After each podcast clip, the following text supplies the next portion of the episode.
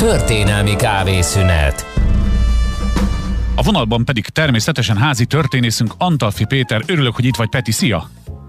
Szervusz, sziasztok, köszöntök mindenkit. És kíváncsian hallgatjuk, mire elegendő a mai kávészünetünk így délután, immár tudod, koffeinmentesen, lájtosan. Na most egy olyan történelmi nő alapot veszünk elő, aki sokkal fontosabb volt, mint gondolták. A maga korában természetesen kígyót, békát kiaváltak rá, de nélküle nem lehetett volna mondjuk az egyik legnagyobb német költőnek az alkotásának egy jó része olyan népszerű, vagy éppen olyan pajzán, nem másról van szó egyébként, mint Johanna Tisztiana Sophie Vulpiusról, aki később Goethe felesége is lett. Na hát, kíváncsian hallgatom a sztorit. Épp ma lenne a születésnapja, 1765. június 1-én született, ezért is őt veszük elő. A másik, amiért őt veszük elő, hogy mindig elfelejtik a nőket a férfiak mögött felett alatt is, és ezt most Goethe is jóvá hagyta ezt a mondatot. Aminek érdekes ebben az egészben, hogy alapvetően nem maga miatt került kapcsolatba. Goethe már 40 évesen mondjuk úgy intézmény a német kulturális életben, 49, amikor találkoznak. Egyébként abban a parkban, amikor, amit részben Goethe segítségével terveztek, és az úgy néz ki, mind a mai napig Weimarban.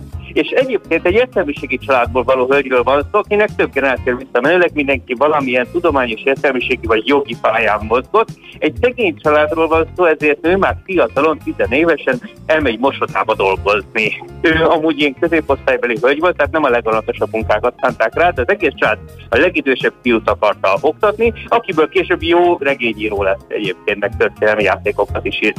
És éppen Götétől azért kértek segítséget, hogy a bátyja befusson ennek a több gyerekes családnak. Götének azonban a hukista tesztet meg természetesen, és így kezdődik az ő szerelmi kapcsolatok, ami évekig tart, és annyira fontos ez Götének, hogy igazából a hírnevét is beáldozza, ugyanis Götét a Weimári udvar ezzel a hölgyel, Krisztián Ulfiusszal nem fogadja el. Van, hogy haza is küldik, vagy ezt költöznie kell, mert kirakják abból a házból, ahogy úgymond milyen illegitim szeretőt tart. Természetesen, hogy még költözniük is kell. Ami érdekes, hogy ezek a vélemények, amelyeket korabeli szövegek elmondanak róla, Ezeket tartották utána még több mint száz évig igazából rehabilitálni a 20.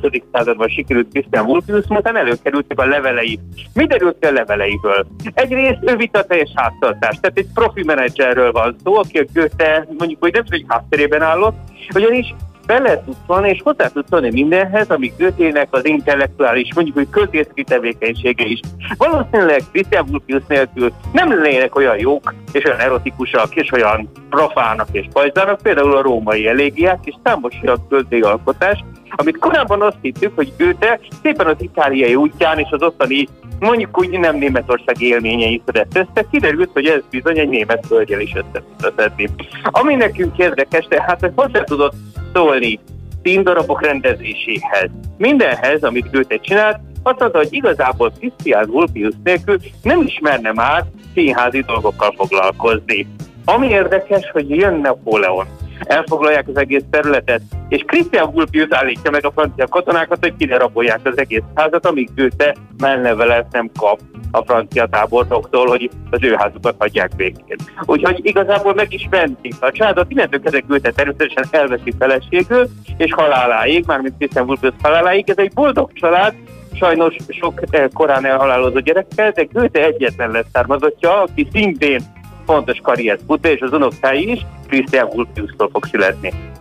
Hát kedves Péter, azt kell mondjam neked, hogy az interneten keringő úgynevezett internet graffiti közül kitágított értelmezéssel úgy lehetne a történetedet egy mondatban összefoglalni, hogy minden sikeres férfi mögött áll egy nő, aki az ingeit vasalja. És persze az ingvasalást innentől kezdve a háztartásra és a teljes, mondjuk így szapportra lehet érteni. Tulajdonképpen ez, és való igaz, ahogy elmondtad, talán enélkül a hölgy nélkül egészen másképp alakult volna a költő hát költészete. És az érdekes az, hogy ő nem csak vasal. Persze, Tehát, azért mondom kitágított. A legnagyobb német költő nélkül nem mert színházat rendezni, és egy aktívan levelező értelmiségi hölgyről van szó, akiről azt is tudjuk, hogy közösen nem vetik meg az alkoholt, tehát milyen lehetett győztékni egy háziból, egyrészt intellektuális az rendkívül magas szinten képzeljük el azt az oda-vissza szogatós, mondjuk, mondjuk, hogy humor és egyéb utalásrendszerű kommunikációt, amely kicsit sem zajlik józanul, és ebben egyenrangú partner Christian Wolfi.